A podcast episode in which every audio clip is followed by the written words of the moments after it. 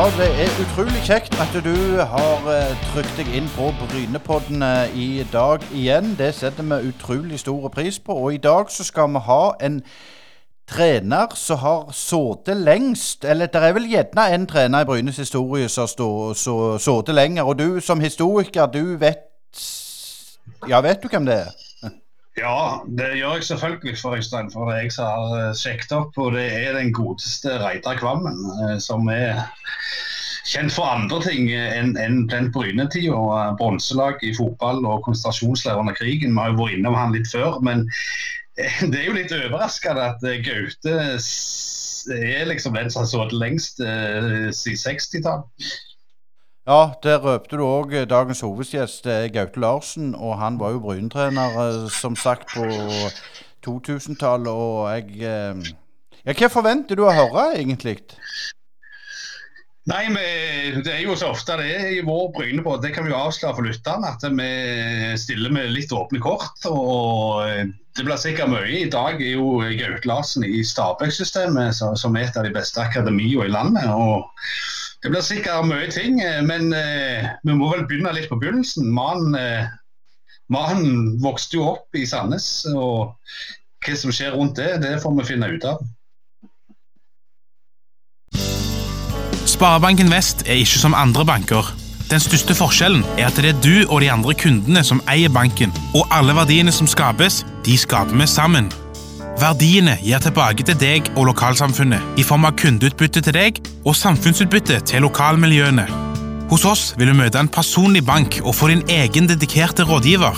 Enten du trenger en prat eller ønsker å fikse ting sjøl, så er vi lett tilgjengelige for deg. Ta gjerne kontakt med oss på spv.no. Håper du vil bli med på laget. Hei, det er Hanna Kvarneland fra Privatmegleren Jæren. Er du på boligjakt? Eller vurderer du å selge boligen din? Vi i Privatmegleren Jæren er ekte lokalmeglere med spesielt god kompetanse og et godt fotfeste om boligmarkedet her på Jæren. Ta kontakt med oss i Privatmegleren Jæren på telefon 51 48 86 00, eller kom innom oss i Torgata 2 på. Privatmegleren Jæren. Alt vi forventer, er at du forventer mer av oss. Vi skal gå videre, og hvis vi skal ta en liten sånn eh, quiz, så kan vi jo fortelle at, at, at gjesten i dag er født faktisk på Bryne på julaften i 1961 og oppvokst på Hana, Asker. Det var gjerne en del ting du ikke visste her, du òg? Eh, ja, det var det. Uh, uansett. Men uh, for de som er quizmestere, så vet de jo at vi har selvfølgelig uh, Gaute Larsen i studio. Velkommen til Brynepodden. Tusen takk for det. Ja, Gaute, du er rett og slett en eh, oppvokst på Hana og, og, født på Bryne. Litt spesielt at du er født på Bryne, men du Fortell litt om dine første år. Eh. Ja, at eh, jeg skjønner ikke sjøl hvorfor jeg ble født på Bryne. Jeg vet ikke om det var alle sykehus var opptatt når min mor skulle nedkomme. da. Så, ja, men uansett så ble jeg født på Bryne. og Vokste opp på Fjogstadfeltet på Hana og var en livlig ung gutt, eh, for å si det sånn. Da, som, og der var det mye skog og mark som var, ja, mye på farten. Og begynte tidlig å spille fotball på Løkka med kompiser og, og sånne ting. Og, og, spilte mine første år i, i uh, Ulf. Uh, og så etter hvert eh, så spilte jeg med kamerater i noe som heter Vatne Hana. Da spilte vi kampen inn i Vatnleiren, i militærleiren, og trente der. Og så når jeg var 13-14 år, så flytta vi til Oslo. Eh, ja, eh, sammen med foreldrene mine. Far jeg hadde en far som begynte å jobbe der, og, og da var det helt naturlig at hele familien dro inn til Oslo. Ja. Men, men eh, sånn litt kjapt, altså du var vel eh, tenåring eh, knapt litt når dere flytta. Altså, hvordan var den overgangen fra relativt lille Hana til, til storbyen? Ja, det var, det var, noe vi var veldig si, litt skeptiske til. da. Eh, for å komme fra et lite sted og se inn i hovedstaden som du hadde bare hørt om, og du hadde hørt om ja, narkotika, og det var masse greier og, og, og sånne ting. Og, men eh, vi kom på et veldig ålreit sted i Oslo. Furulund heter det stedet der, som ligger litt utafor akkurat mellom Oslo og, Bærum. Og jeg kom tidlig inn i, i idrettsmiljøet og fotballen. da, og Eh, når du var ganske ålreit til å spille fotball uten å skryte, så, så, fikk du fort venner og ble veldig fort akseptert. Og, og, det følte jeg var liksom litt min inngangsbilletten, at du var god i idrett. Og da, da ordna alt seg liksom på en måte. Så, ja. Det, det var ikke bare fotball, det var, det var litt eh, andre idretter òg? Ja, eh, jeg kjørte jo alpint da eh, når vi var yngre. Eh, og var, hver helg var vi oppe i Sirdalen og kjørte enten, enten, var det treningssamling eller så var det renn da på vinteren. Så, så jeg er kretsmester og områdemester i, i, alpint. Og så når jeg flytta til Oslo, så lå det enda mer til rette egentlig for oss å satse veldig i alpint. da, Og, og vi, vi gjorde, det, gjorde det et par år. Men eh, så ble jeg eldre og, og måtte begynne å velge, da. Og da begynte jeg å nærme meg A-laget til Ulland og, og når jeg var 16-17. Og da ble valget For da trente man fotball hele året, og da ble det fotball. Ja, og, og, da hadde du jo selvfølgelig glidd inn imellom holdt på si, Odd Sørli og Erik Håker og, Kjusen og, og, den gjengen der. Så, det er et gap der, så, så, så vi mista en stor alpinist der. men når du kom inn eh, og begynte å spille A-lagsfotball, så, så, var du i Ulland. Du var innom eh, Frigg, og Frigg er jo et, et gammelt storlag og et lag som på de tid kanskje eh, brukte litt midler. Kan du fortelle litt om den tida i Frigg? Ja, i Frigg, var, der var jeg altså i eh, før 89. 88 kom jeg til Frigg. Eh, høsten 88. Og da skulle Frigg satse veldig. Det var to, eh, en som heter Torgeir Røyert, eh, som er eh, dessverre død i dag, da, med, og, og, Kenneth Sandvold. Eh, de var gründere i Bik og hadde en del midler. Og Frigg var liksom fotballklubben de, de, i sitt hjerte, da, og de skulle satse skikkelig skikkelig for å gå opp. Da spilte man i Obos-ligaen. Og Halvard Thoresen ble henta fra, fra, Holland, eh, og du hadde Egil Snappan Johansen, du hadde Tore Nilsen, du hadde Jo Bergsvann, du hadde André Krogsæter, du hadde Bent Skammelsrud, som var ung da, men kom fra Drøbak, han og André Neulat. Så det var mye navngjetne spillere, men eh, eh, vi greide ikke det opprykket eh, de åra der, men, og ble i, Obos-ligaen. Eh, men Bent han dro ut først til Malmö, og så dro han til Rosenborg og fikk en fantastisk karriere. og Mange av de andre var litt, egentlig litt på hell. André Krogsæter hadde skåra fire mål i en cupfinale der mot Vålerenga, husker jeg, for Lillestrøm, og, og, men var litt på hell, var ikke så sulten. Så det var litt for, for gamle spillere, litt for mye navn, istedenfor at det var unge sultne som ville opp og fram. Men det var ei fin tid, det òg, altså. Ja, Så du spilte fast du i Obos da? Det var ja. jo Obos da? Ja, jeg gjorde det. Og jeg møtte Bryne eh, i den perioden der. Eh, da prater vi altså 89-90. Husker Mons Ivar Mjelde spilte spiss, husker jeg, for jeg spilte mot han. Eh, så det var ja, 89, 90, 91. Eh, den tida der så var det to avdelinger i, i første divisjon. Så, så jeg, men jeg husker at jeg møtte Bryne allerede den gangen, ja.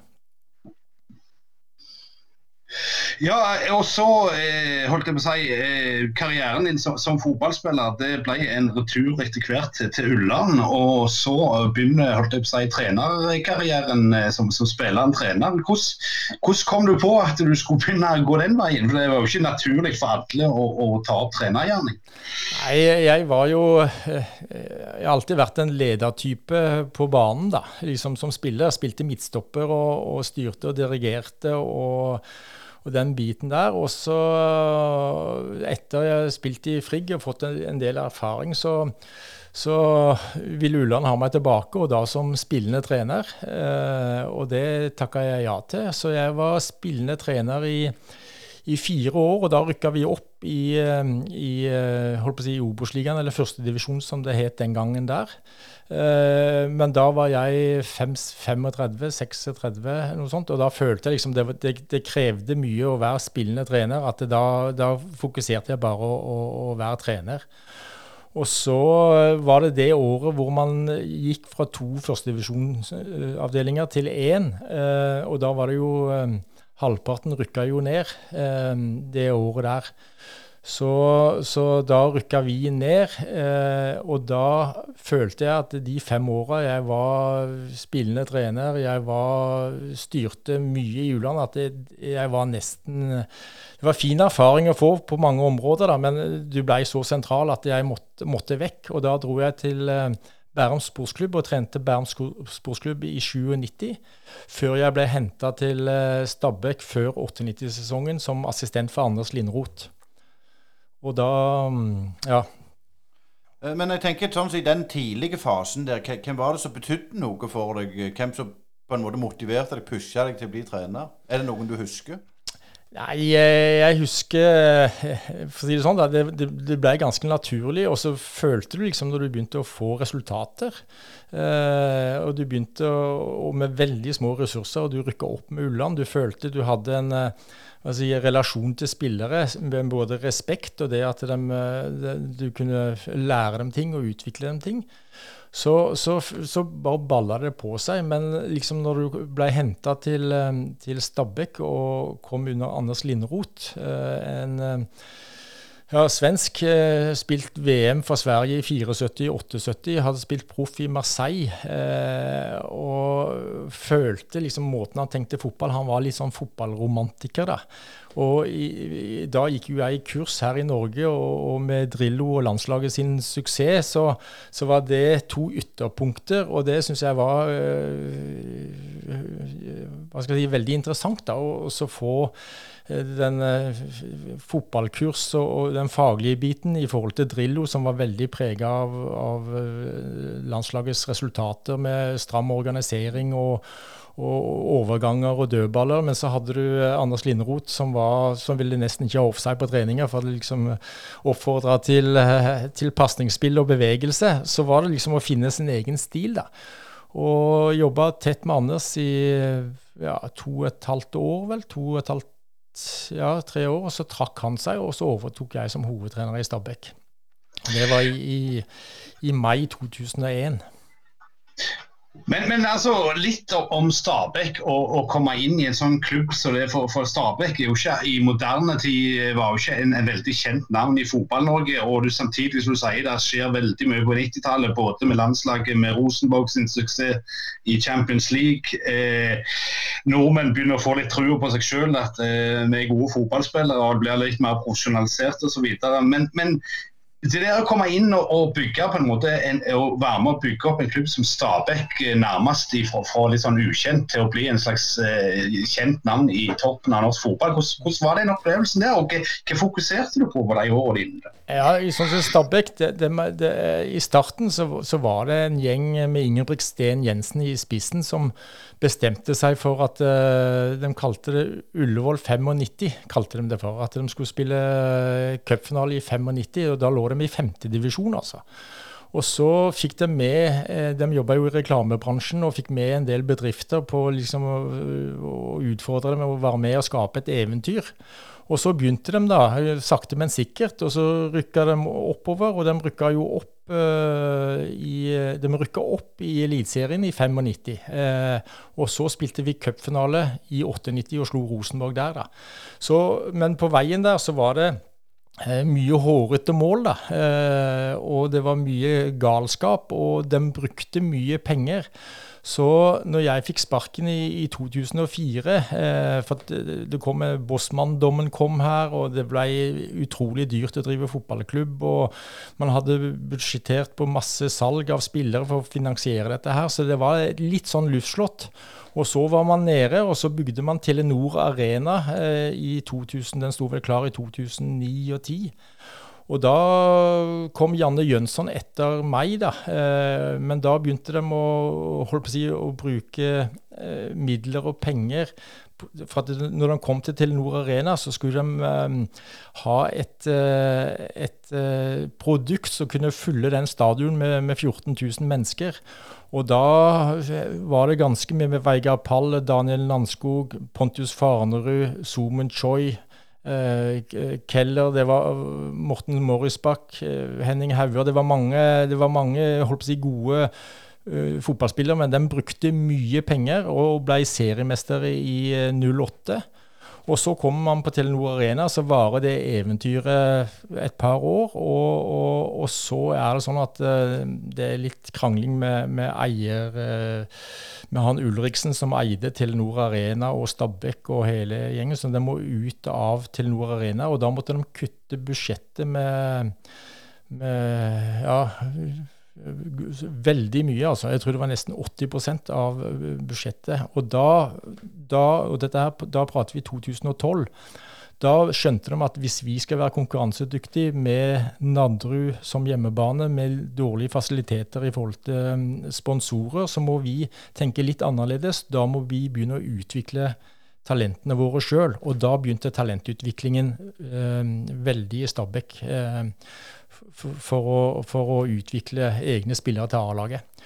Og så har man eh, bare jobba bedre og bedre. Og når jeg kom tilbake og begynte i Stabæk 1.1.2017, så var det gjort veldig mye bra. Og så har vi spissa det enda mer. Da. Og så har man fått betalt da, at man har solgt spillere for eh, ja, 160 millioner de siste to og et halvt årene. Eh, og mye av det er egenutvikla. Og, og, det er klart at eh, og sånn som Styret dem ser jo gevinst av dette her, eh, og ser at man kan drifte ganske mye. og og nå uh, står akademiet veldig på agendaen på styremøtene, for å si det sånn. da. Uh, vi får mye lettere tilgang til noe hvis vi trenger noe, hvis vi trenger noe folk, eller fysisk trener, fysioterapeut, keepertrener eller sånn. så så er det mye mer velvilje enn det var bare for noen år siden. For de ser gevinsten av å, å utvikle, utvikle eget.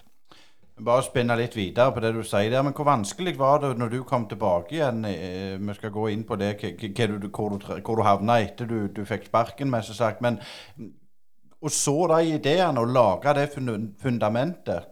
Hvor vanskelig var det? Tenker du for Stabæk? Ja. ja. Eh, nei, for Stabæk så, så, følte de at de ikke hadde noe valg. Eh, for de hadde ikke penger. Og hvis de skal være med der oppe, så, så måtte de gjøre det på, på, på, si, på, en veldig billig måte. For hvis du skal hente ferdigutvikla spillere til Eliteserien, eh, så koster det så mye penger både i forhold til lønn og i forhold til kostnader i forhold til overgang. Mens en egen unggutt som kommer opp, eh, som man skriver profesjonell kontrakt med, så er den eh, i all beskjedenhet veldig, veldig lav. da. Eh, pluss at han ikke koster noe overgangssum, så det er veldig billig å, å, å, drifte, da, for å si det sånn. da. Og, og eh, Stabæk, i, i, når de kom på Telenor Arena og drev der, så hadde de snittlønninger på, i en avstand på 1,6 millioner. Mens eh, snittet i, i avstanden, lønna for, si for et år siden eller noe sånt, var kanskje 350 000. Og Da er det noen som tjener mye, mye mer enn det, da, men så er det noen som, som uh, de yngste spillerne har minstelønn, da, som er da ja, 5000 i måneden. Så, så, så, det er klart at det, at det er uh, store forskjeller, for å si det sånn. Men, men, når dere skulle i gang med det arbeidet på, på, med, med Akademi til Stabæk, som blir jo hylla som, som, et som ganske godt eksempel på noe som har fungert i, i Fotball-Norge iallfall. Eh, Eh, hva slags modeller ser dere opp til? Dere, dere pleier jo litt nye jord. Det var jo ikke akkurat sånn utvikla konsept i, i, Norge. og Jeg husker jeg leste noen sånne artikler for noen år siden om, om noe sånn morgentreninger før skoletid og, og, alt mye. Men eh, hvor, hvor, gikk dere hen for, for å lære holdt jeg på å si, gamet rundt et akademi? Det, det, det, man har jo Alle lagene i Stabæk, akademilagene, spiller utenlands eh, turneringer hvert år for å få referanser på spillere eh, trenerne får referanser på, på, hvor ligger lista, hvor ligger nivået. Så, så, så det er én ting. Pluss at vi, eh, våre yngste spillere, eh, vi har et veldig tett samarbeid med en NTG. systemet. Det er en skole som har både en ungdomsskole og eh, videregående skole. Og der har vi våre egne trenere i den videregående skolen, eh, som da trener eh, disse spillerne, stabbeklassen, som vi tar ut eh, ti hvert år. da, Ti spillere eh, fra 16-årslaget som går inn eh, på videregående. Eh, så vi har altså 30 elever. fordelt over tre år i én klasse, som vi trener hver formiddag og samtidig med A-laget. Og hvis A-laget trenger noen spillere inn da, så er det bare å flytte opp eh, fra, fra juniorstallen. da. Så det er veldig sterk og, og, og kort vei da, mellom G19 og, og A-laget i Stabæk. Og, så er det liksom at eh, med det ryktet man har fått, så er det mange i området Oslo og Stor-Oslo som, som, tar kontakt og vil eh, ha spillerne sine inn i, i Stabæk, nettopp pga. at vi driver såpass bra. Pluss at vi òg er litt ute og ser og kartlegger talenter for å få rekruttere det inn. Men du har jo, du jo Vålerenga som gjør det samme. Du har Stabæk, du har Strømsgodset i Drammen, og du har Lillestrøm på Romerike. Så det er mange eh, toppklubber pluss KFUM der som er i Obos-ligaen. og, og, og Strømmen og, og, sånne ting. Så det er, men det er veldig mange fotballspillere i Oslo, for å si det sånn. da. Eh, så det er mange å ta av. Eh, det er det. Jo, men, men eh, altså, dere har jo et ganske stort omland å ta av. altså Hvis du sammenligner med f.eks. Bryne med, med innbyggere. altså Du snakker om eh, iallfall en million pluss i, i Stor-Oslo. Eh, men, men, altså De spillerne som dere får inn, eh, hva ser dere etter, og, og hvordan jobber dere? og så er det jo et spørsmål også, altså Alle vet jo at Stabæk ligger jo i et av de eh, tyngste sånn, sosioøkonomiske områder i, mm. i, i, landet. altså Det er folk og foreldre med ressurser rundt der. Men, men er det bare holdt på å si, unger som kommer fra, nær, fra nær, nærmiljøet, eller er det liksom over hele Oslo dere henter folk? Ja, Vi, vi har jo, vi henter fra hele Oslo. og det er klart at det, i, i Stabæk så er det jo eh, treningsavgifter og, og sånne ting. Men så har vi eh, muligheter til eh, Hva skal jeg si At eh, hvis det er familier eller, eh, som ikke er så godt stilt, så er det ikke sånn at vi setter dem på dør. Da finner vi ordninger på det, altså med hjelp av eh, ja, av et stipend og sånn. da, Så, så, så vi jager ingen. Eh, så, så, det finner vi løsninger på. og Eh, en som heter Antonio Nosa, som er nå ganske hot. Han er toppskårer fra Stabæk med tre mål. Han skåra to mot Viking her eh, for eh, halvannen uke siden. Og skåra et fantastisk mål mot Bodø-Glimt når han kom inn og spilte andreomgangen der oppe. Han er 16 år og, og avslutta ungdomsskolen her nå, og han bor på Langhus. Og han har drevet og pendla og tatt tog på treninger for å komme og trene med Stabæk. Tog og buss. Og så kom den koronasituasjonen, og, og han skulle trene med A-laget. Og der er det veldig streng protokoll. Så der fikk man ikke lov til å kjøre kollektivt og, og sånne ting. Så da måtte jeg hente og kjøre han til og fra trening. Eh, og selvfølgelig ga han feedback og fikk en veldig god relasjon til han, da. Men eh, for å få dette her til å fungere. Eh, og det er litt sånn at eh, opplegget som vi har, da, liksom med å ta vare på talentene, og ikke det å skjemme dem bort, men, men akkurat nå var det nødvendig i forhold til den protokollen. Og, og, og, og, han er 16 år, og det å få ordna For han kunne ikke gå på skolen heller, for da var han jo sammen masse andre i klassen der. Så han, han, eh, han måtte vi gå i dialog med skolen, og selvfølgelig mora hans da, eller foreldrene. og og være med og godkjenne at han kunne ha hjemmeskole og spille fotball, for å si det sånn. Og så er det jo eh, vi som har levd litt og er litt eldre, tenker liksom OK, en Asdal hvor det er bare voksne mennesker, han har jo behov for å være sammen med yngre mennesker òg, Og det, det, er sånne, det er plusser og minuser ved alt. da. Og det må vi involvere både mor og, og spillere i, da. Eh, på hvordan er det noe vi skal gjøre nå, eller skal vi vente til sommeren eh, og ta det opp i avstanden der når, når det er sommerferie og, og, det går litt mot bedre tider i forhold til koronaen. Men han var veldig gira på å komme seg i gang så fort som mulig, og da var det bare å, å sette i gang. da, og Det, viser at eh, sånn sportslig så har han jo absorbert og tatt det nivået, og er som sagt født i 05 og allerede skåra tre mål i Eliteserien.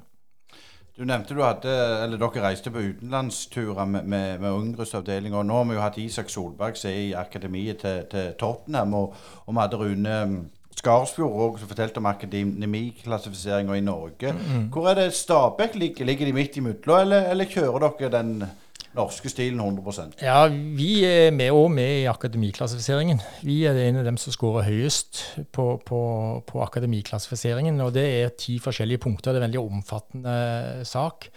Men uh, vi har vært veldig opptatt at uh, det er greit å få struktur og få dokumenter og, og den biten der. Men det er viktig at ikke vi man, hver klubb må få lov til å kjøre sin egen stil, da, sånn de har hatt suksess med, som Stabæk har hatt. Eh, og, og, vi føler at det, er, det med dokumenter og sånn, det er veldig bra, men det viktigste føler vi liksom er det som skjer på feltet. Eh, den dialogen og den oppfølgingen du har på enkeltspillere der. Og, og, sånn som når vi er ute og spiller la, mot Nå har det ikke vært der på halvannet år, eller nesten på to år, det med internasjonale turneringer pga. Uh, koronaen. da. Men det gir oss så mye referanse, våre egne spillere, når de spiller mot uh, både hollandske, tyske, italienske eh, greske, eh, spanske lag. Da. For da, ser du på det alderstrinnet liksom, hvor er det vi henger litt etter, hva er det vi må prioritere i treningsarbeidet og, og sånne ting. Og, en ting er at spillerne får referanse, men òg trenerne får masse referanser eh, på dette her. da. Men de landene, eller lagene du nevner fra de landene, det er jo gode eh, landslag.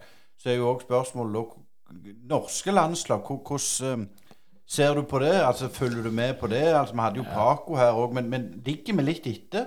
Ja, du kan si at For en tre-fire år siden, ja fire-fem år siden, eh, akkurat når, man begynte med den akademiklassifiseringen, så lå Norge som, rangert som par og 30 eh, på eh, landslagsnivå, aldersbestemte landslag. Og siste rangeringen jeg hørte nå, har det vært veldig stengt ned. Alt, for du har ikke hatt lov til å reise og spille landskamper nå det siste halvannet året. Så var man oppe på tiendeplass. Så norske landslag har tatt et kvantes, aldersbestemte landslag et kvantesprang i forhold til hva det var. Og eh, jeg var sjøl og så den 99-generasjonen, eh, for der hadde Stabæk fem spillere i den, den troppen der. da. Eh, så spilte VM i Polen, eh, og Bryne hadde to spillere, vel. Erling og Ueland, vel, uh, som, som, var der. Uh, og, og, og, eh, og, og det var mange år siden sist vi hadde greid å kvalifisere oss for et, for et VM på et G19-landslag. Så, så, ting skjer, altså. Og jeg tror at når disse her får mer erfaring når de får komme ut og spille internasjonal fotball, så, så, så, kan dette her bli veldig bra for norsk fotball. Så det er klart at det har skjedd ganske mye eh, med hva skal jeg si, talentutviklingen i Norge de siste åra. Eh, men litt eh, før vi går videre i, i, i sendinga, eh, Gaute. De, de lagene dere spiller mot når dere reiser ut og spiller, altså det, du snakker ikke om noe sånn indre eh, Hellas IL eh, da? Det, det, er klubber med, med, med, navn, dette? Ja, Det er Panathinaikos, Olympiakos og PAOK og de, de, de lagene der, da, som, som de største klubbene som sender da ja, spillere, eller lag, da, uh, til de turneringene der. da. Og, og, og, det er jo engelske lag, sånn som Chelsea, Liverpool, uh, alle disse lagene, Tottenham, de, de sender, sender klubber eller lag ut på, på, på, disse turneringene der. Da. Og det er ikke sånn at hvem som helst som kan melde seg på de turneringene, det er nesten inviterte lag. da. Ehm, så det, så det, er en ganske trangt nåløye for å, å, bli med. Og der har liksom Stabæk fått opparbeidet et, eh, et, navn og rykte da, som gjør at man, man, får lov til å være med i selskap med de store der. Eh, hvis vi går litt tilbake til din karriere som, som trener etter Stabæk, så ble det jo Odd noen sesonger, og eh, der du var i lag med, med Arne Sandstø, som ble ja. Jerv nå. Hvordan, hva tok du med deg der videre? Ja, jeg kan si at uh, Odd uh, Hva skal jeg si? Uh, jeg kom jo fra Stabekk og, og, og Odd Telemark, mye 4-3-3. Veldig Ja, det var veldig strikt, da, holdt jeg på å si, i 4-3-3. Og jobba tett sammen med Arne. Vi ble likestilte etter hvert, og vi utfylte hverandre veldig i forhold til både som mennesker. da, Vi, vi er si, ganske like på mange områder. og og, og, jeg kom inn med, med holdt på å si Stabæk-stilen litt annerledes i forhold til den 4-3-3. Så så i løpet av den perioden der eh, så spilte man 3-5-2, eh, og man spilte 4-4-2. Og det, det, det, ble litt mer, eh, litt mer mangfold da, i forhold til at alt ble bare 4-3-3. Og så har de gått tilbake nå etter vi forsvant. da, Så kom jo Dag Eilif Fagermo, og da har det vært 4-3-3. Og så kom Jon Frode Nordnes inn nå som trener, som var spiller den gangen jeg var trener i Odd. Og så har han utvikla litt mer med litt rotasjon på midten på de spillerne der og, og sånne ting. For at det, eh, de følte at det var, det var sånn at spillerne gikk litt på, på skinner. Og, og, ja, så det, så, så, men Odd syns jeg var mm, en fin periode i forhold til meg sjøl. Og eh, holdt på å si, jeg flytta jo til Skien og begynte å, å pendle og hadde leilighet der. Og, og det blei Ja, det var et nytt steg videre, for å si det sånn. Men eh, vi, skal, vi, skal, hoppe litt bukk over, over, over Asker-tida bare for vi skal komme, komme, litt videre. Vi må jo få flytte deg til Jæren. Eh, kan du si litt, altså den inngangen til å komme og ta over Bryne? Du flytta som kjent fra, fra Rogaland når du var tenåring, og, og plutselig ble spurt av, av en klubb som eh, du, du, hadde spilt mot selvfølgelig på slutten av 80-tallet, som du sa. Eh, den prosessen der med, med, å komme til Bryne, hvordan begynte den? Og, og hva, hva, tanker gjorde deg når de kom og ringte til deg? Ja, Det starta med at de ringte på, på sommeren, da, i, i disse tider. Eh, den sommeren der. Og så eh, lurte på om jeg kunne tenke meg Bryne. Da hadde jeg vært i Asker i fire, fire et halvt år, tror jeg. eller noe sånt. Eh, så sa jeg at det kan jeg godt tenke meg. Eh, å ta en prat og, og se og, og, sånne ting. Og så dro jeg til, til Sola, møtte Alf Ingve Berntsen og Bjarne Lodden. hvor vi drev og diskuterte en del ting. dette her var i i begynnelsen på august, tenker jeg. I ja, midten av august. Uh, satt på hotellet ved, ved, flyplassen der og diskuterte fotball. og uh, ja, diskuterte uh, målsettinga til Bryne, hva de ville, og hvordan ting så ut og, og sånne ting. og følte liksom at kjemien var der. Jeg følte Alf Ingve kjente jeg fra før litt. Grann, og, og, og, øh, har et veldig godt inntrykk av han både den gangen og, og den dag i dag òg. Og Bjarne Lodden ga et veldig godt inntrykk. Eh, fantastisk person som jeg prater litt innimellom med den dag i dag. og, og,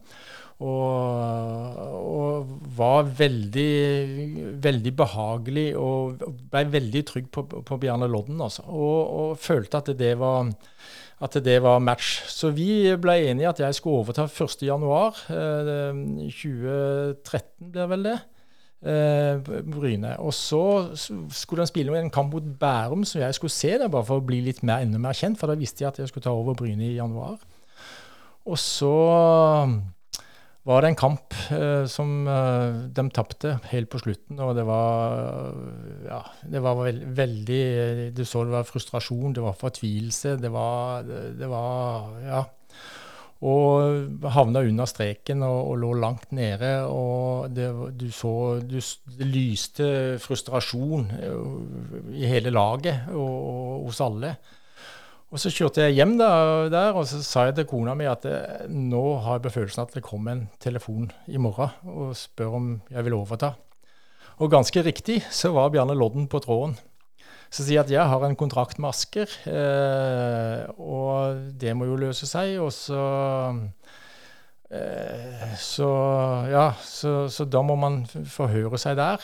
Så, men så løses det seg ganske greit. Så i løpet av den eh, mandagen eh, så løste det seg, og tirsdagen så var jeg på Bryne. Eh, og, og, da, på onsdagen, så skulle vi møte Bodø-Glimt. Og så skulle vi møte Sarpsborg på søndagen. Og da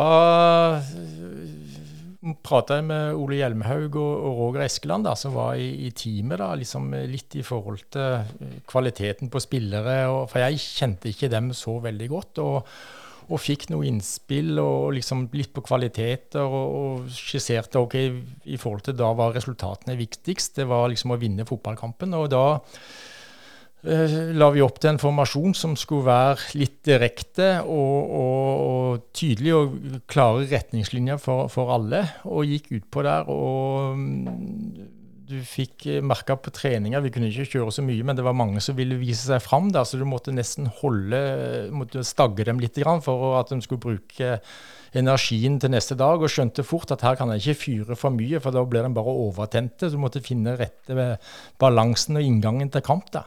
Så vinner vi den kampen 2-1. Og så var det ikke mange dager etterpå vi skulle møte Sarpsborg, som òg var et opprykkslag som lå på topp og, og, sånne ting. Og så vinner vi den kampen der òg. Og da var det nesten så de Da tok de jo nesten eh, Ja, da, da trodde de virkelig at Messias hadde kommet. nei, nei, så, så da, da, fikk du den starten der. Eh, og, og så og så, for hadde, for Du må ha 36 poeng eh, for å overleve. og det var, det var ti kamper igjen tror jeg det var, av sesongen der. Og, og vi måtte ha jeg tror vi lå på 19-20 poeng, så vi måtte ha 15-16 poeng for å, for å, greie oss. Så det er eh, over Da hadde du altså spilt eh, 20 kamper hvor du har hatt ett i snitt, og så måtte du ja, ta, få halvannet. Så, så, det var en utfordring, men, men vi greide det, altså. Eh, og sto oss i, i divisjonen. Og, ja, altså, ja.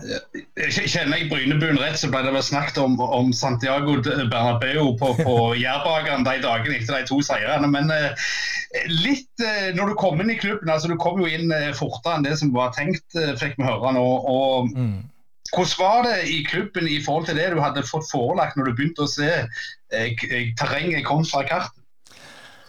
Ja, det, det, var ikke Etter hvert, så, så når du ble, begynte å kjenne til litt, så skjønte du liksom at det var mye større utfordringer enn det man egentlig trodde. da. Det gikk litt sånn på økonomi. Det hadde ja, salg av Det har solgt tomter rundt stadion, og det var masse greier uten at jeg brukte så mye energi på det. da. Og så var det man hadde en daglig leder som var der da, som øh, Nå husker jeg ikke hva han het for noe. Øh, men han ga seg ganske kjapt etter det, tror jeg. Var det Kjell Olav der? Nei, nei Kjell Olav kom etter han, tror jeg. Litt som vikar, og så ble Kjell Olav sittende. Det var han som var før Einar Auestad var markedsmann der, og så hadde du en Hauge Nei, jo, Jan, jo, Jan Hauge. Ja. Eh, han var der. Eh, og, og, eh, og, så var det liksom det med eh, Hva skal jeg si Bjarne Lodden, da. Eh, og som en gammel Bryne-spiller, og, og dem ville opp og fram. Og så var det dem som satt litt med, med penger og styre, dem holdt litt igjen. Så det, det, det var ikke helt forankra, for å si det sånn, da. Og så, så det, men uh, vi fikk et veldig løft, og den 2013 da følte jeg liksom at vi hadde uh, Vi slo Viking på, på, på, i Stavanger i cupen i tredje runde der, 4-2. Du hadde Oddbjørn Skar, Skartun og Aram Kalili som Jeg tror Oddbjørn hadde 17-18 mål i Obos-ligaen, og Aram tror jeg hadde 16. Så var jeg frykta duo, og, og, og da, da følte jeg liksom at vi var, var på gang. Og så etter 2013, når begynte, liksom, da begynte liksom andre klubber å få litt uh, øye på våre spillere. Da, og da begynte de å hente Anders Kristiansen, Jon Helge Tveita, Viljar Vevatnet. Liksom, eh, Reds forsvant. Eh, liksom, og liksom, da begynte det liksom å, å, gå litt opp i liminga, og så var det en periode liksom 14-15-16 liksom eh, Næringen eh, sleit veldig her. Oljeprisen var vel 25 dollar fatet.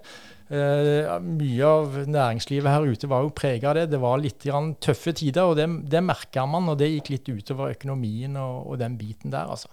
Men, men eh, jeg følte at eh, jeg stortrivdes blant folkene i Bryne, og, og, og, jeg har vært innom dem når jeg er litt på besøk her borte, og, og blir alltid hjertelig tatt imot, og, og, likte meg veldig godt med alle dem som jobba på kontoret, fra Gausland og, og, og, Sverre Sele og Edith og alle disse her gamle traverne, for å si det sånn. da. Eh, og folk i gata i Bryne stopper og prater. Så, så jeg, jeg, føler Bryne eh, syns jeg var eh, en veldig god periode i livet mitt. da. Eh, det var bare synd at vi ikke fikk utvikla det og, og, virkelig ja, satt Bryne på kartet enda mer. Men klart, du, du nevner dette med, med, med, kart og terreng. Mange daglige ledere, mange styreledere eller styrerepresentanter. Det er liksom et never ending story. for Sånn er det jo nå. Eh, når du liksom har vært i Stabekk og, og, og måte reflekterer over tida i Bryne Hvorfor klarer de på en måte ikke å stabilisere det og bli enige med seg sjøl om veien videre, sånn som du ser det? Det er mange som har uh, veldig høye forventninger på Bryne. For de tenker tilbake når de var, uh, tok uh, serie, nei, vant cupfinalen i 87 og tok seriesølv og, og, lå helt i toppen i norsk fotball. Og så er det liksom ressurser og penger, det, det, det, skal jeg ikke si at det, det, er alt, men det betyr utrolig mye. Og liksom hvis man ser hva man konkurrerer mot, så kan man si at det, det er ikke bare for Bryne å feie over KFM eller Strømmen, som man egentlig ser på som, som, som småklubber, som, som bydelsklubber. så lett er det ikke. Det er en konkurranse. De trener, dem òg. Og det har man litt problemer med å se at man ikke at det skal liksom bare være, Man blir så skuffa over, over, det. da. Og så er det sånn så Gjennom den skuffelsen så, så er det at man setter i gang prosesser da, gjennom media og, og supportere. og, og da begynner man å fjerne trenere, man begynner å fjerne, legge press på styreledere, og så blir det eh, Så har man ikke baller nok til å stå imot det, og være trygg på den kursen man har, da, altså stå litt imot når det, når det blåser litt, så, så, fjerner man det. Og det er klart sånn så Jeg satt fire og et halvt år, eller hva det var for noe, og, og det var jo lengst av alle på mange, mange år. Og, og, det er jo trenere som er der ett år, halvt år og kommer inn. og Det er klart at det, det blir ikke noe kontinuitet. Styre og stell eh, er det utskiftninger. Daglig leder er det utskiftninger. Det, det må være en, en, trygghet, en kultur som blir skapt, som man eh, har over tid. Og Hvis man gjør det og er lojal og tar steg for steg, og så takle motgangen uten at det blir et veldig hylekor, men står i det, så tror jeg at Bryne har, eh, har eh, ja, kan eh, ha livets rett til å, å klatre videre i hierarkiet i norsk fotball. Men, men Gaute, samtidig som du er på Bryne, så, så skjer jo dette som, som skjedde i Sørfylket, at Sandnes Ulf tar steg opp i, i tippeligaen og, og, på en måte blir en kile mellom det gamle rivalen eh, Bryne Viking. Eh, Merka du noe at det var vanskelig med spillerlogistikk og sånn, for det at Sandnes var et hakk høyere dere i de årene som du var der? Ja, jeg følte at, at, vi konkurrerte jo mye om de eh, samme spillerne. Og, og, vi følte at Sandnes hadde litt mer muskler enn det vi hadde. Eh, i forhold, til, i, forhold til, kontrakter og sånn. da. Eh, og så er det klart at det, eh, i Oslo, hvis du henter hente en eh, sånn som så, Ta Strømmen, da, som har et veldig lite budsjett. Men de rekrutterer spillere fra Oslo som er studenter, som kommer til Oslo og bor der. Sånn så Hvis du skal rekruttere noe utenfra i Sandnes, så må du flytte, flytte på han, eh, den spilleren. Og det, det koster penger, da, med tanke på bolig, lønn og, og, eller skaffe han jobb. og Det er mer omfattende eh, her på, på Jæren. For det er mange som sier ja, Bryne har jo så fantastisk stort budsjett. da. Og Hvis du sammenligner med Strømmen eller KFUM, så har Bryne ganske stort budsjett. Men det, det, er litt annerledes å drive fotballklubb her enn det er i Oslo, da.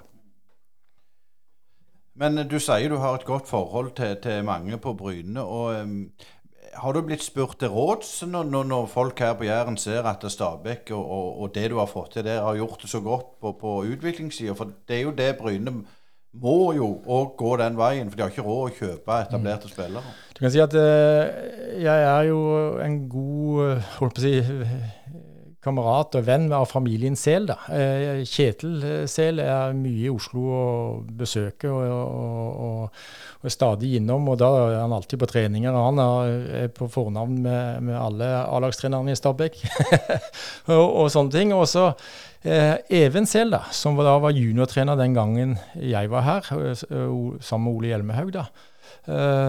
Han, han følte jeg liksom var et skikkelig treneremne for fem år siden òg, han var, ung, han var veldig ung. da. Men involverte han i, i prosessen rundt A-laget og var alltid med og, og sånne ting. og og han har jo eh, vært i Oslo og vært og besøkt Stabekk og sett, og, og, for han har interesse. Han er jo den som er eh, og har vært sammen med Espen Onnai, da, og, og, veldig pådriver i forhold til talentutviklingen i Bryne. Så det at Even tar initiativ og kommer til eh, Oslo eller kommer til Stabekk og, og ser og følger med, det viser at det er en interesse der. Så, men, eh, men, eh, og Even representerer for så vidt Bryne, da. Så, men det har ikke vært noe fra ledelsen og sånn, nei, som har tatt kontakt. Det har det ikke vært. Men kan du si litt om, om eh, holdt på å si utviklingsvei? Jeg har hørt andre som har snakket om Bryne, at de har vært ekstremt gode i den der første halvdelen, men har slitt i det gapet mellom si 16 og eller gutta junior, altså 16-20 røftlig. Altså Eh, både pga. at unge, unge, spillere forsvinner for fort, men òg at de ikke har liksom klart å, å helt få til den der eh, bolken mellom 16 og, og 20. Var det òg et problem i de tid?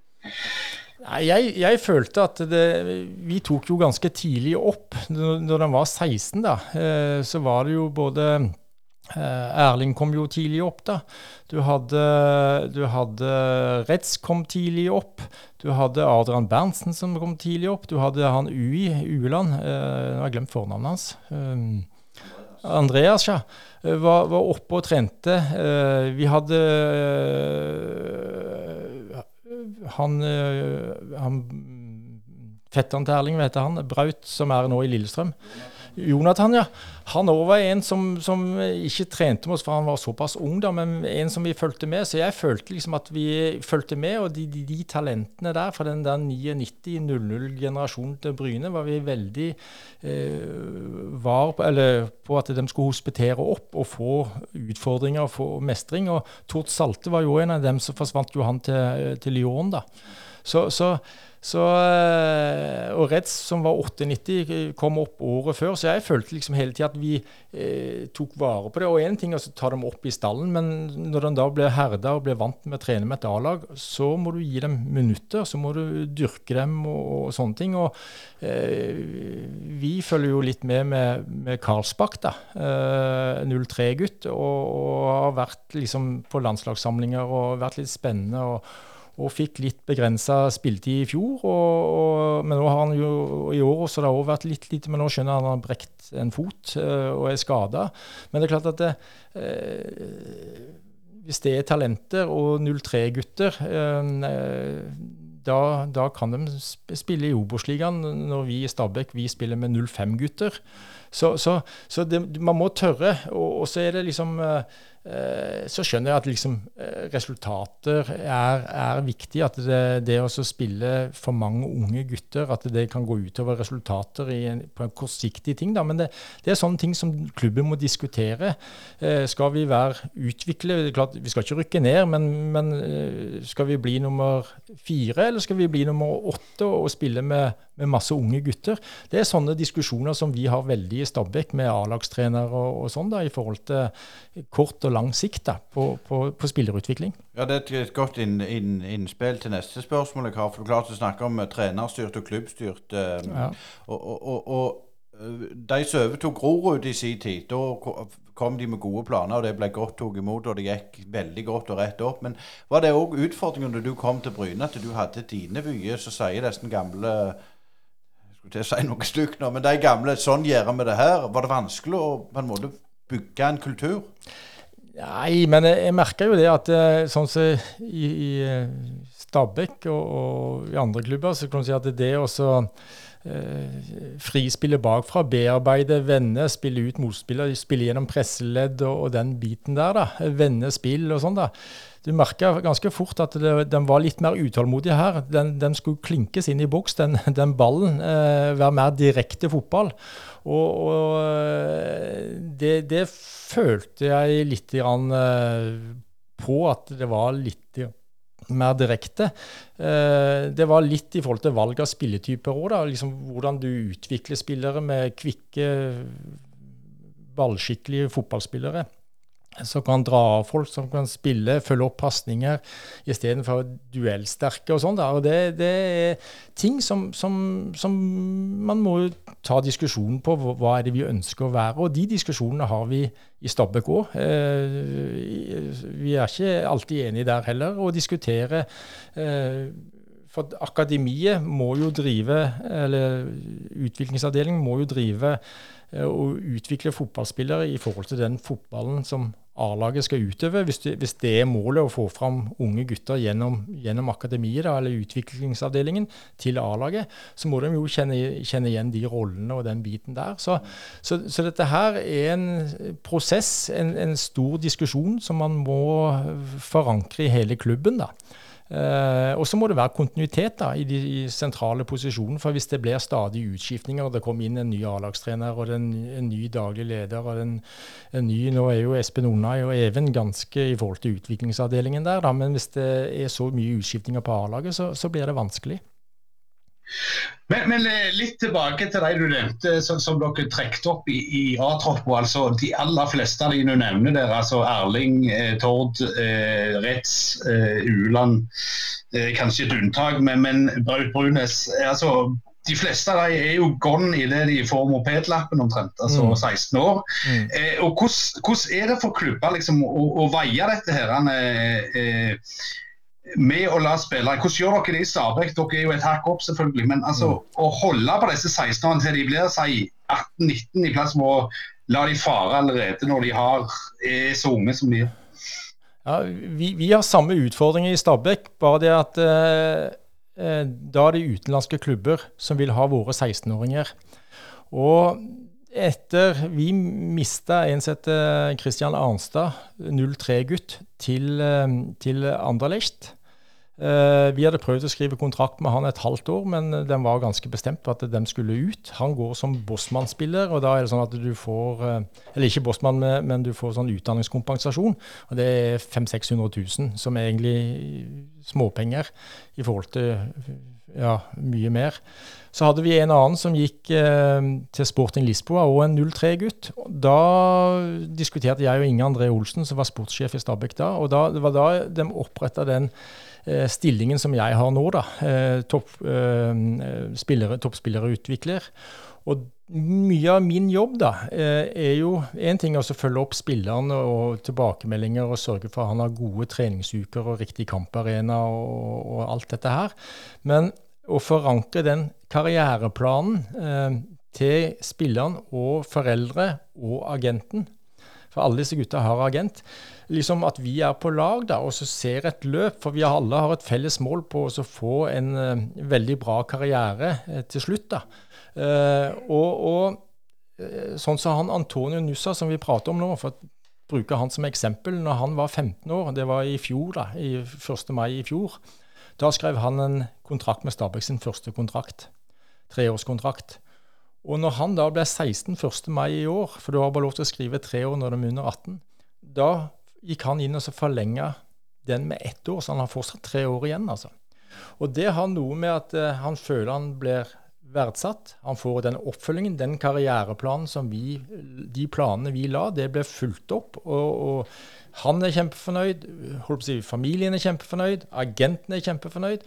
Og da forlenger dem, og da får du, eh, får du, beholde dem. Men så kan det komme med han, da, som er et ekstremt talent, såpass store penger at her kan klubben si at OK, øh, her, er det, her, er vi enige, gutten har lyst, og klubben føler at penger er riktig. at øh, alle vil at han forsvinner ut. Men jeg føler at det er sånn vi må jobbe for å beholde disse gutta. Du kan si sånn som så Reds, da.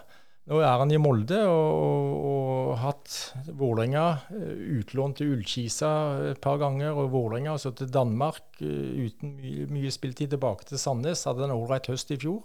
Og nå i Molde.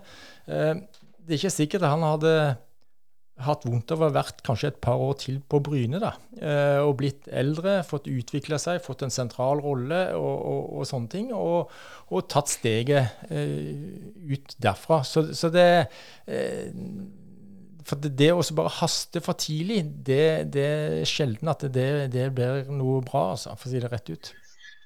Eh, du, du, nevnte agenter her i, i, den settingen. altså det, Der har det jo òg skjedd veldig veldig mye siden du var holdt på å si, trener i Ullern og, og begynte i Stabæk. Eh, Eh, det markedet er vel sluppet ganske fritt i, i, forhold til sånn det var med reguleringer litt tidligere. Men altså Ta en ung, bare ta sånn et eksempel. En unge, unge spiller der du har eh, en, en, far og en agent, og så kommer der eh, ikke, ikke, nødvendigvis samme person, men altså han er sånn G15-16-spiller, og så kommer agentene, og så tilbyr de all slags gode kontrakter. Sånn. Er, er, det som, som sånn økonomiutvikler og sånn, er det der kampen mot agentene en sånn vedvarende prosess, eller er det stort sett grei med dialog mellom partene når folk er såpass unge som 15-16-17?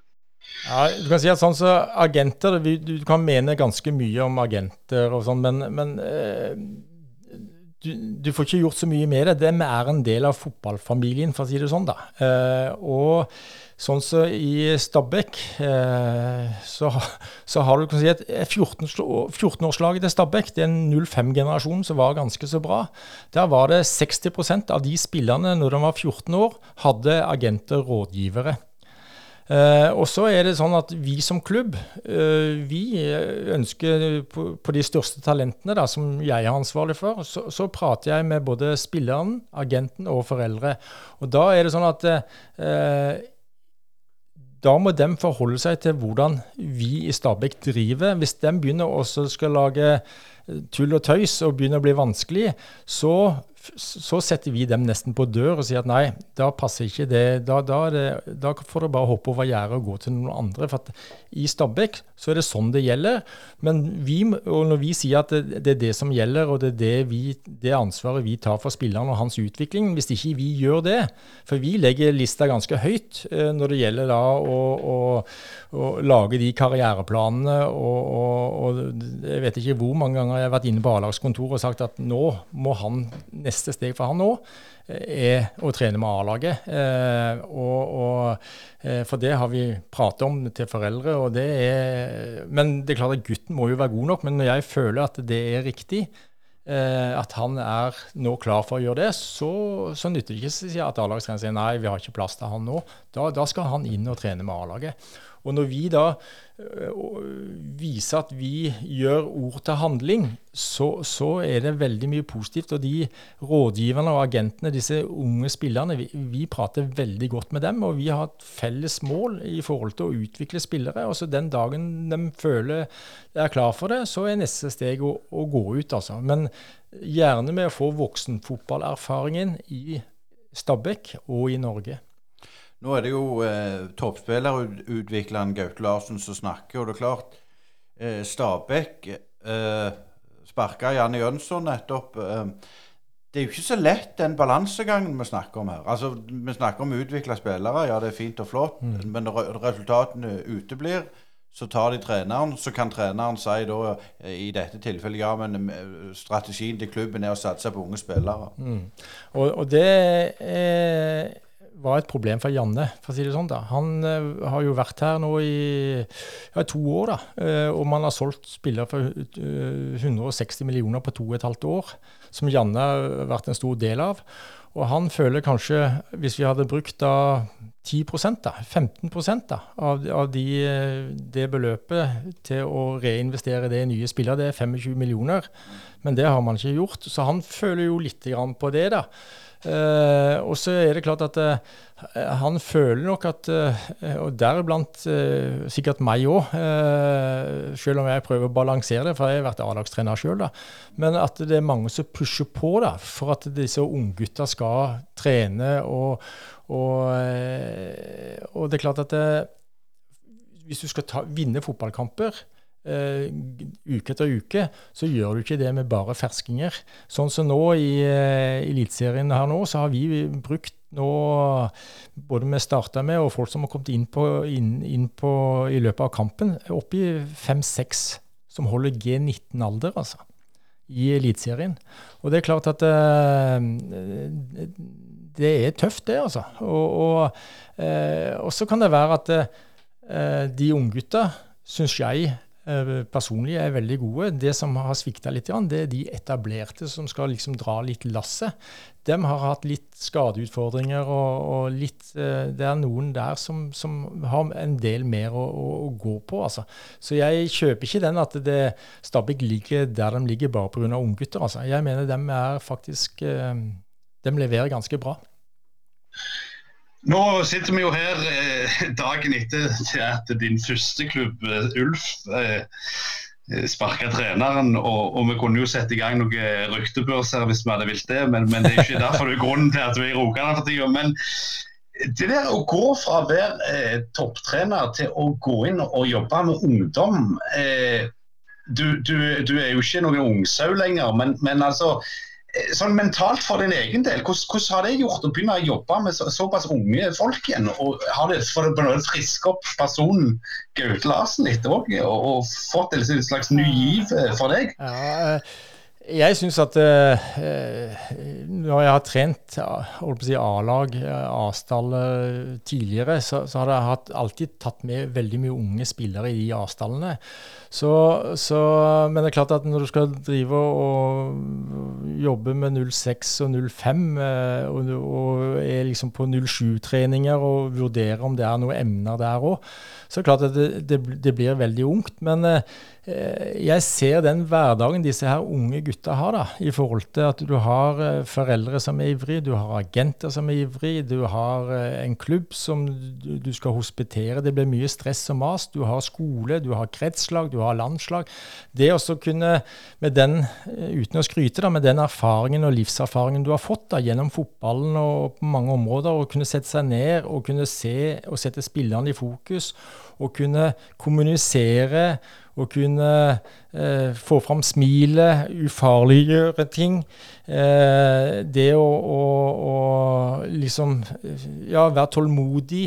Eh, det er så mange sånne ting som, som jeg føler gjennom det lange fotballivet du har fått. Da, at, eh, og det er tilbakemeldingen nå, da, at de gutta der er jo kjempeheldige å få en, si, en eh, mentor eller en som, som uh, har den erfaringen da, og kan trykke på de rette knappene. Så, så jeg føler det er, er, veldig spennende. Og når du er så tett, for det er ikke bare 14-15-16-åringer, det er òg de yngste som kommer opp i, ja, på A-laget i Asdalen, som da 03-04-gutter som har vært barnestjerner. Så kommer de opp i en Asdal, så er de plutselig bakerst i køen. og Det er litt uvant for dem, og hvordan de håndterer det. Og Dem ser jeg og følger med veldig, og prater med, og, og, og den biten der. Så, så jeg eh, ser masse fotball. men Innimellom, så når det er søndag klokka seks, så av og til så kan jeg tenke fanden, altså det, det, hadde vært litt moro med, med å hatt et lag òg, og fått bygd eh, skikkelig med, med Ja, eh, og, og, virkelig både et uh, eh, utvikla et lag og fått resultater. For at det, du, du du begynner å få en, merke at du får mye erfaring. Og, og eh, jeg føler at du utvikler deg hele tida. Du snapper opp ting. Du jobber med folk som, som eh, ja, har trent internasjonalt og øverste nivå i Norge. Du er ute på, med norsk toppfotball på referanseturer, og, og, du prater med folk. og det er òg stor forskjell fra å, være, å, bo i og jobbe i Oslo, da, hvor du har nær tilknytning til toppfotballsenteret, til eh, toppidrettssenteret, til idrettshøyskolen, hvor det er miljøer som er veldig sånn utviklingen. Du blir litt alene her på Bryne, for å si det sånn. da. Ja, Nå har du svar på mitt neste spørsmål, for det er om mm. du hadde lyst til å trene lag igjen. og Det, det forstår jeg, det har du. Uh, men, men uh, litt tilbake til den Bryne-tida, før vi helt på å si uh, må avslutte en, en, en fantastisk kjekk pod. Når du ser tilbake nå, er det noe du føler du ikke fikk tid til? Ja Jeg følte akkurat når de sa at Når jeg fikk sparken, for å si det rett ut, den gangen der Eh, og Da lå vi på trygg plass i Obos-ligaen. Så rykka man jo ned Dette her var jo slutten av mai. Man rykka jo ned det året der. Men jeg hadde troa på, på, at Bryne At man skulle overleve det året der. Det var ikke snakk om noe annet. Eh, men eh, det som uh, jeg så Bryne med et veldig stort potensial. Eh, I og med at jeg, jeg, husker faren min tok meg med på Bryne stadion når Birk Engstrøm spilte midtstopper. og, og liksom, og Jeg følte at Bryne eh, at, at, jeg skulle få til noe der. altså, Og jeg følte at de første åra så var vi eh, Vi redde oss det første året med ja, en veldig god prestasjon. da.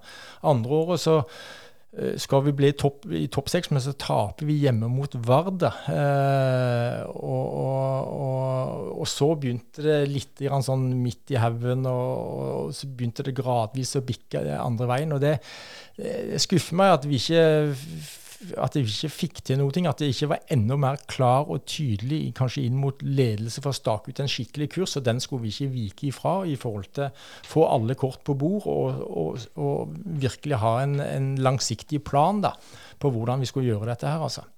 Eh, jeg burde nok kanskje vært enda mer tydeligere på det, altså inn mot ledelsen og kontinuitet og tydelighet. Bjarne Lodden dro jo til eh, Singapore Uh, Jobba der. Mista en viktig støttespiller som var veldig nært meg, da, for å si det sånn. da. Uh, ikke det at jeg klandrer han for det, for han, uh, og jeg besøkte han faktisk uh, i Singapore òg, men, men ja, det, det, var litt lite at vi, Eller det skulle vært enda mer tydelig. Ja, jeg, jeg, merker at du føler det er noe uoppgjort. Ja, ja. Jeg syns at men det, det, hvis du spør Tommy Bergersen, så føler kanskje han det samme. Hvis du spør uh, Magnus eh, Johansson, så sitter han Eller Rolf Teigen. Uh, Rolf Teigen kjenner jeg jo, han har jobba i, i norsk toppfotball og, og, kjenner jo Rolf, da. Uh, så, så, men Rolf òg følte at, at potensielle var her. Men det å få det til i Bryne, det er ikke, det er ikke så mange som Eller det er ikke noen som har greid det, liksom. Uh, og mange får litt kort tid òg, egentlig. Og jeg fikk uh, lang nok tid, men det var, så er det så mye som skjedde underveis. Og det, det var litt lite Ja, det var litt for ustabilt. Både på og utenfor banen. Eh, men det, må si det er jo en fascinerende time pluss, dette her, Gaute. Og, og, ikke minst at du òg eh, trekker fram ting som, som, som, spilte inn, altså den oljekrisen som kom og, og dette her. For det er jo tross alt ikke så enkelt. Mange, det er mange variabler ute og går i en fotballklubb og det som skjer rundt. Men, men litt sånn eh, til slutt nå, når du ser disse eh, ungguttene som, som, du trekte opp, altså du ser Tord, du ser Retz eh, med brassesparket, du ser Erling ikke minst og sånn. Eh, de der guttene der som du liksom så at det var noe ekstra i og sånn, når, når, du tenker tilbake på de guttene, er du litt stolt av at du liksom, det var du som trekte dem opp et hakk? Ja, det, du kan si at sånn som Erling, da.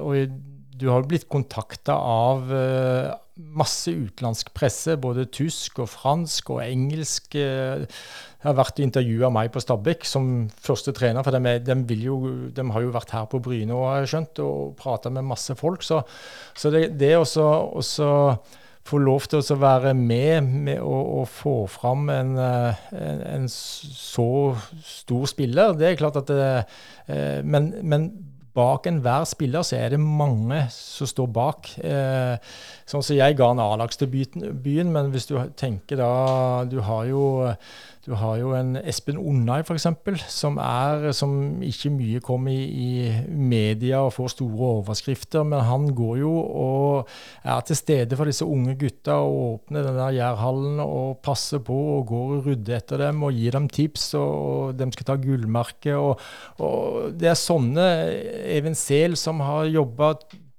veldig bra med disse unggutta. Du har Alf Ingve Berntsen og, og, flere andre med det apparatet med den foreldregruppa med Roger Eskeland og, og han uh, var det vel, og, og masse folk. Så, så, og sånn er det i Stabæk òg. Uh, Antonio Nussa, f.eks. Det, det, det er ikke bare jeg. Det er, er mange på veien her som, som, gjør en jobb. Så det der er en, en uh, Hva skal jeg si Ja, det er en klubb som, som utvikler spillere. Og, og Derfor er det bare viktig at klubben har planer og føringer på at man har et opplegg som gjør at disse spillerne kan bli gode og få drømmene sine og oppleve drømmene sine.